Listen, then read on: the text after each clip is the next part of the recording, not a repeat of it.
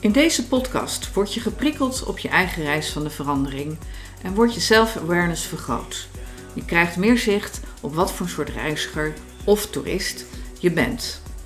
In deze podcast verbindt Ben Thomassen zijn jarenlange ervaring in change management aan de vaak avontuurlijke reizen die hij in 80 landen maakte. Zijn boek Je bent geen man, je hebt geen baard, de reis van de verandering, is hierop gebaseerd. Met dezelfde flair en verbeeldingskracht waarmee hij gereisd heeft, neemt hij je mee op jouw eigen reis van de verandering. In het tweede gedeelte van deze podcast stelt Nancy Rademaker een aantal uitdagende vragen aan Ben. Nancy is een van de meest gevraagde internationale keynote sprekers. Haar vragen zorgen voor nog meer scherpte in de verhalen in deze podcast.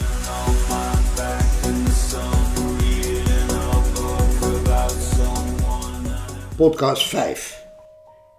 Soms moet je uit het systeem breken om je vrije ruimte te creëren. Ik ga graag naar landen waar iedereen van vindt dat je er maar niet naartoe moet gaan. Anno 1979 geldt dat zeker voor Rusland, de Sovjet-Unie. Ik ben al in een aantal Oostbloklanden geweest, maar nu wordt het echt tijd voor Rusland omdat het een ultra raar land is met dat totalitaire communistische regime. Ik wil meemaken hoe dat is. De spanning van het onbekende beleven. Je moet het wel echt willen. Een half jaar van tevoren begint de voorbereiding al. Eerst moet je naar de AWB om de route te bepalen die we, ja ik ga samen met mijn vriendin Katie, willen volgen. Alle plaatsen moeten vooraf worden opgegeven. Brest, Minsk, Smolensk, Moskou, Novgorod, Leningrad en tenslotte Wyborg, vlakbij Finland. Ook staat vermeld dat we met auto en tent reizen. Voor het formulier met die namen erop rekent de AWB 100 gulden. Daarmee kan ik ons visum aanvragen bij Intourist een zogeheten toeristenorganisatie. Maar in feite is het gewoon de KGB, de geheime dienst van Rusland. Dat weet iedereen. Als je als westerling naar de Sovjet-Unie gaat, gaat de KGB je volgen. Daarom ligt de hele route muurvast, want zo kunnen ze je van dag tot dag in de gaten houden. Geen sprake van dat we ook maar een millimeter van de route kunnen afwijken. Daarmee wordt de rebel in mij al geactiveerd.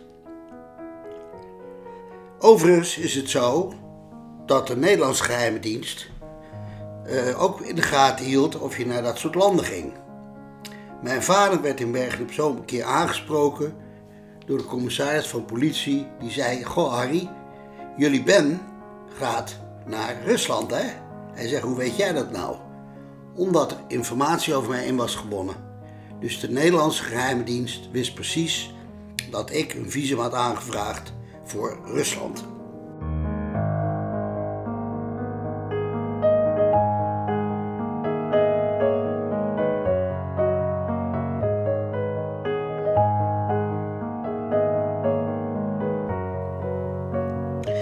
Bij de Pools-Russische grensovergang staat een betonwerker van een wijf, blijkbaar de baas van de douane, te schreeuwen en te vloeken. Een groep Fransen krijgt een volle laag. De Fransen verstaan er niks van. Die vrouw spreekt, nou ja, schreeuwt Duits. Maar ze zijn duidelijk geïntimideerd. Ik kan het niet langer aanzien en vraag of ik kan helpen. Het blijkt om een groep veterinaire specialisten te zijn die met hun partners naar Moskou onderweg zijn voor een groot congres. Het leek hem wel aardig om met auto's en caravans te reis, die reis te maken. Maar de communicatie loopt hier helemaal stuk. Het douanemens spreekt Frans nog Engels. De Frans alleen Frans.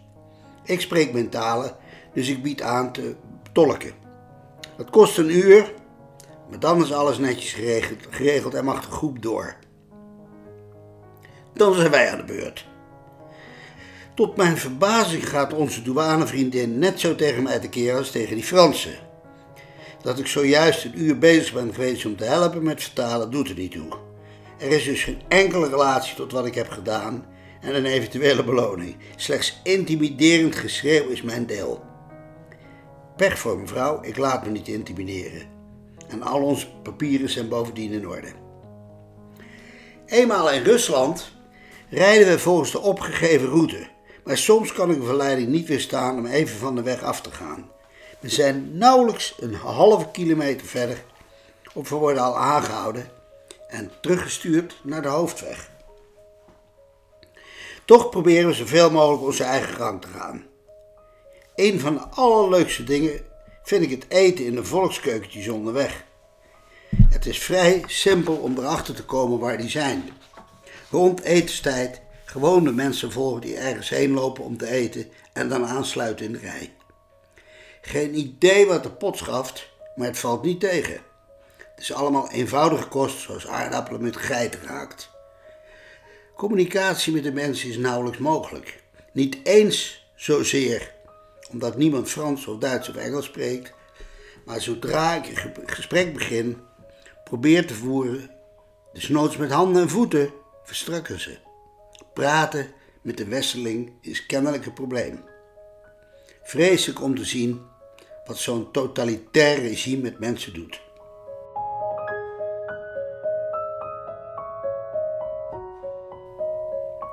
In Smolensk logeren we niet op een camping, maar in een mooi klassiek oud huisje, zoals je ze overal ziet. Super romantisch. Maar s'avonds wordt keihard op de deur gebonst. Staan er twee mannen voor mijn neus die op mijn spijkerbroek wijzen en mijn trui. Alles willen ze kopen. Ze bieden in het wilde weg idioot hoge bedragen. Dit zijn overduidelijk provocateurs. We zijn op straat al diverse keren zo'n beetje stiekem aangesproken omdat mensen onze spijkerbroek willen hebben. Het toppunt van begeerlijkheid in Rusland. Maar op deze manier gewoon uitlokking. Zodat ze een reden hebben om je op te pakken. Dus die kerels gooi ik er gelijk uit. Iets dergelijks heb ik eerder meegemaakt. Aan de Oost-Duits-Tsjechisch-Slovaakse grens. Torens met prikkeldraad. Zwaar bewapende mensen en een lange rij wachtende auto. auto's. Je kreeg een papiertje met nummer van volgorde op je dashboard. Kwam er zo'n bewapende vent af en toe eens kijken, haalde het papiertje weg, legde het weer terug. Klieren, zuigen en op een gegeven moment ging hij met de loop van zijn geweer door het raam naar binnen. Heel treiterig prikte hij daarmee in mijn gezicht. Ik heb hem een opdonder verkocht en heb gezegd dat hij moest opsodemieteren. Onmiddellijk werd ik opgepakt. Een paar uur lang heb ik vastgezeten totdat er iemand kwam die Engels sprak. Ik heb hem gezegd dat ik wel mijn excuus kon maken, maar dat ik de volgende keer weer precies zo zou reageren. Of hij de onder, onder de indruk was van mijn argument, geen idee, maar ik werd vrijgelaten. Wel met de waarschuwing dat ik de volgende keer het land uitgezet zou worden.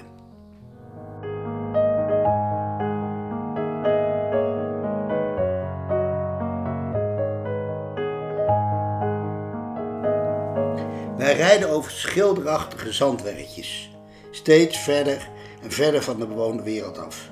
Het is prachtig weer, vogels fluiten en niemand houdt ons aan of tegen. We gaan links, rechts, nergens is de hoofdweg te vinden. We zijn verdwaald. Verderop is een gehucht waar we de weg kunnen vragen. De inwoners lopen meteen weg als ze ons zien. Het loopt al tegen de avond en ik begin me een beetje te knijpen. Hier wil ik geen glazen over krijgen met die Sovjetjongens. Zometeen sturen ze ons naar huis. En ik wil wel een rebel zijn, maar op mijn eigen voorwaarden, niet op deze manier. Op goed geluk gaan we verder. Dan gebeurt iets ongelooflijk bizars. Zomaar opeens staan we voor een enorme brede weg. Veel te breed voor een gewone autoweg. Maar ja, laat ik toch maar die weg oprijden. Wie weet komen we zo op de hoofdweg. Wanneer ik een eind heb gereden, valt het muntje. Dit is geen weg, dit is een airstrip. We rijden op een militair vliegveld. Ik begin peentjes te zweten. Dit is helemaal fout. Als we nu betrapt worden. Gelukkig vinden we de hoofdweg terug. Er staan wat politieagenten. Ik leg uit dat ik even moest plassen en dat we toen verdwaalden. Ik lach maar wat, zij lachen mee. Och, wat een opluchting. De volgende dag heb ik er schoon genoeg van. Er moet iets gebeuren om uit het verstikkende systeem te breken. Al is het maar even. En ik weet ook wat. Die dag staat Moskou op het programma. Ik rij recht naar het centrum. Op zich helemaal te gek. We staan met onze auto net om de hoek van het Rode Plein. Wie doet ons dat na? Maar ik heb ook een doel. Ik ga naar Intourist en zeg dat we die dag niet kunnen vertrekken. Oh nee? Nee. Waarom niet? Omdat mijn vriendin ziek is. Dan halen we er een dokter bij. Dat is niet nodig. Ik ben psycholoog en ik constateer dat zij de druk van het constant in de gaten gehouden worden niet meer aan kan. Vanuit mijn vak zeg ik dat het onverantwoord is om mijn vrouw in deze toestand, met deze toestand te belasten met een autorit. Dus wij moeten nog een dag extra hier blijven.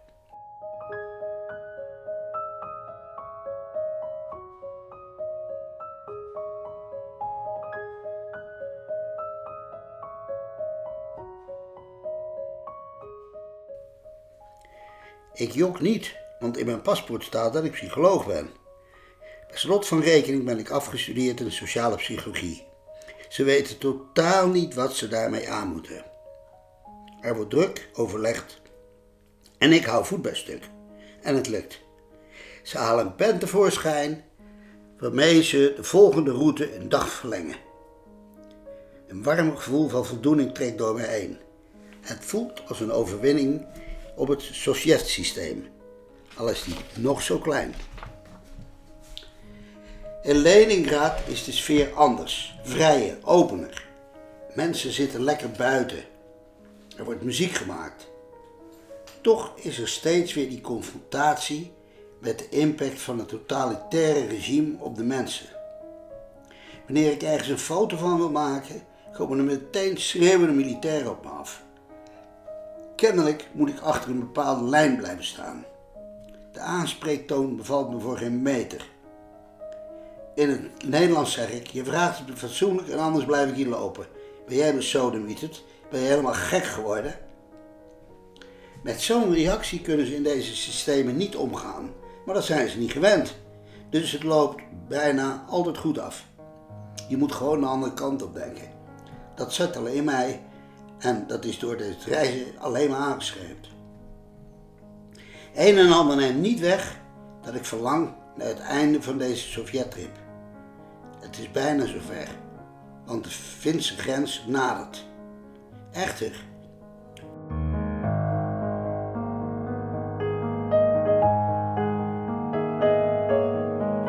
Vlak daarvoor worden we nog even getrakteerd op een onvervald staaltje Sovjetpesterij. 20, 200 meter voor de grenspost staat een noodstoplicht. Het blijft rood. Dus na een tijdje besluit ik door te rijden tot het douanehuisje. Dat leidt tot een hoop misbaar, maar ik blijf onverstoorbaar. Uiteindelijk komt er een vent met een harde autoritaire stem. Put all your stuff on the bench. No. I said, put all your stuff on the bench. If you want to check my stuff, do it yourself. En ik loop weg. Tamelijk verbluft staat die vent te kijken en vervolgens gaan we maar een beetje in onze auto rommelen. Dan gaat de slagboom omhoog en zijn we weer terug in de vrije wereld. Toch gaat het systeem onder je huid zitten. We stoppen om van het schitterende uitzicht op de berg te genieten en dan beseffen we, daar kunnen we gewoon naartoe rijden. We zijn weer vrij.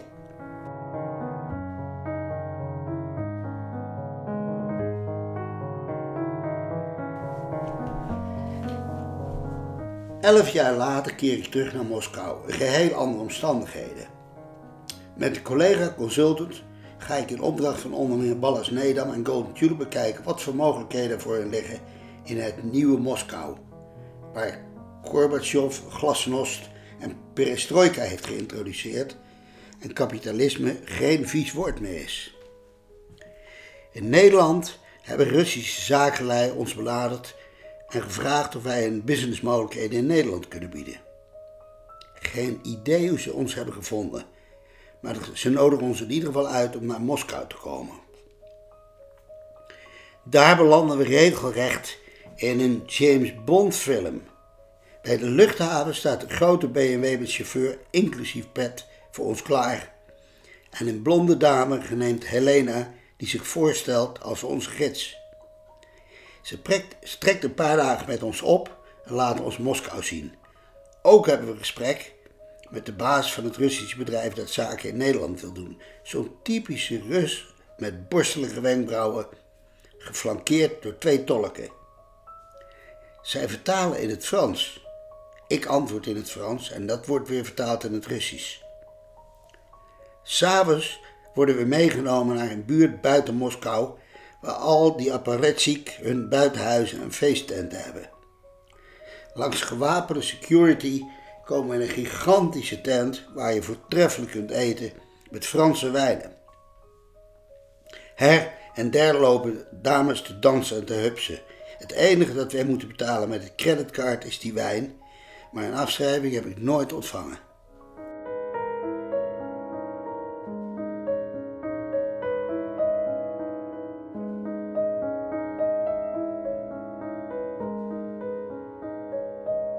Maar het allermooiste, ik durf het nauwelijks tegen iemand te vertellen omdat het zo'n sterk verhaal is, is die overnachtingsadres wat we hadden. Het voormalige KGB hoofdkwartier.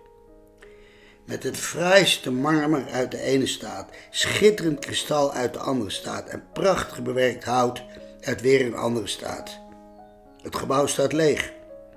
Maar elke ochtend staat er een staf van zes mensen klaar met caviar boterhammetjes, alles wat we maar willen. Met die business is nooit wat geworden. Maar het contrast blijft ongelooflijk. Jaren eerder ben ik op mijn huid gezeten door dat KGB-volk en nu zit ik met de bonzen van toen aan tafel. Via Finland, bijna de Noordkaap, Noorwegen en Zweden zijn we naar huis teruggekeerd. Heerlijke wandeltochten gemaakt genoten van prachtige landschappen, maar vooral van die vrijheid. Voor mij was het een belevenis om uit te proberen waar de grenzen van het Sovjet-systeem lagen. En ik vertel het nu wel een beetje stoer, maar soms moet je uit je comfortzone en dat doe ik dan ook. Je moet iets doen dat je nog niet zo goed kan of kunt. Dat brengt je verder in de confrontatie met dingen waar je keihard tegenaan loopt. Gebrek, gebrek aan vrijheid gebrek aan respect voor elkaar, het inleveren van je eigen waarde en aangepast gedrag. En hoe erg is het niet dat mensen elkaar niet kunnen vertrouwen? Onderdrukking van mensen, ook in leiderschap, is het ergste dat er bestaat. Dat soort leiders deugt niet. Het is goed om dat mee te maken en op die manier scherp te voelen waar je zelf voor staat. Dankjewel.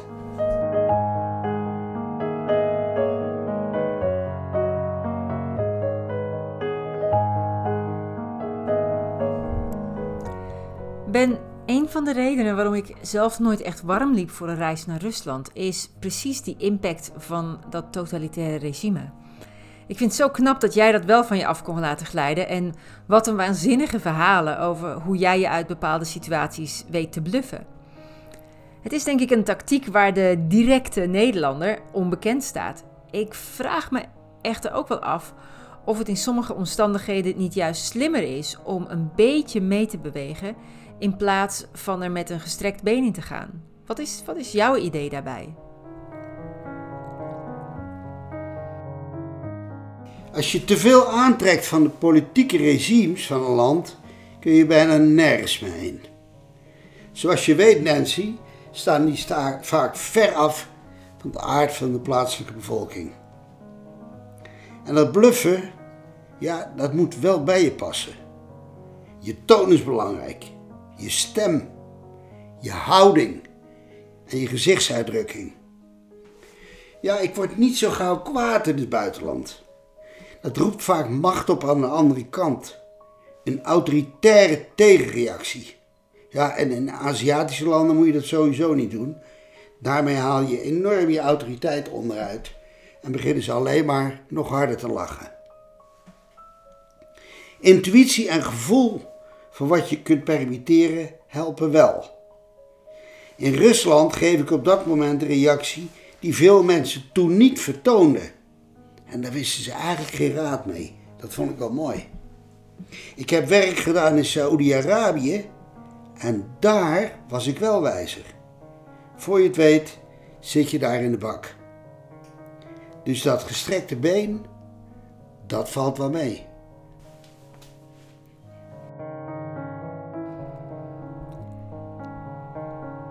De titel van deze podcast is Soms moet je uit het systeem breken om je vrije ruimte te creëren. Nou, het feit dat je ook expliciet met soms begint, maakt volgens mij al duidelijk dat het niet iets is wat altijd opgaat. Heb jij daar een bepaalde strategie voor? Een strategie om te bepalen wanneer je wel en wanneer je juist niet uit het systeem moet breken? Daar ben ik wel erg benieuwd naar.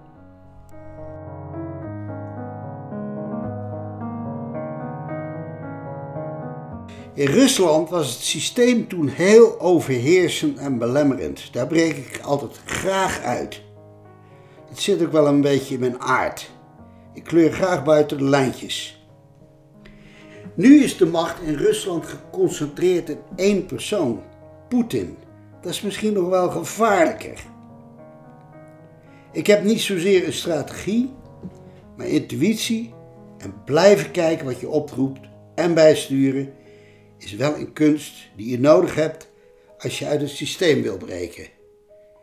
En die kunst, die versta ik inmiddels wel. Rukzichtloosheid is een slechte raadgever als je dit soort landen bezoekt. Dankjewel.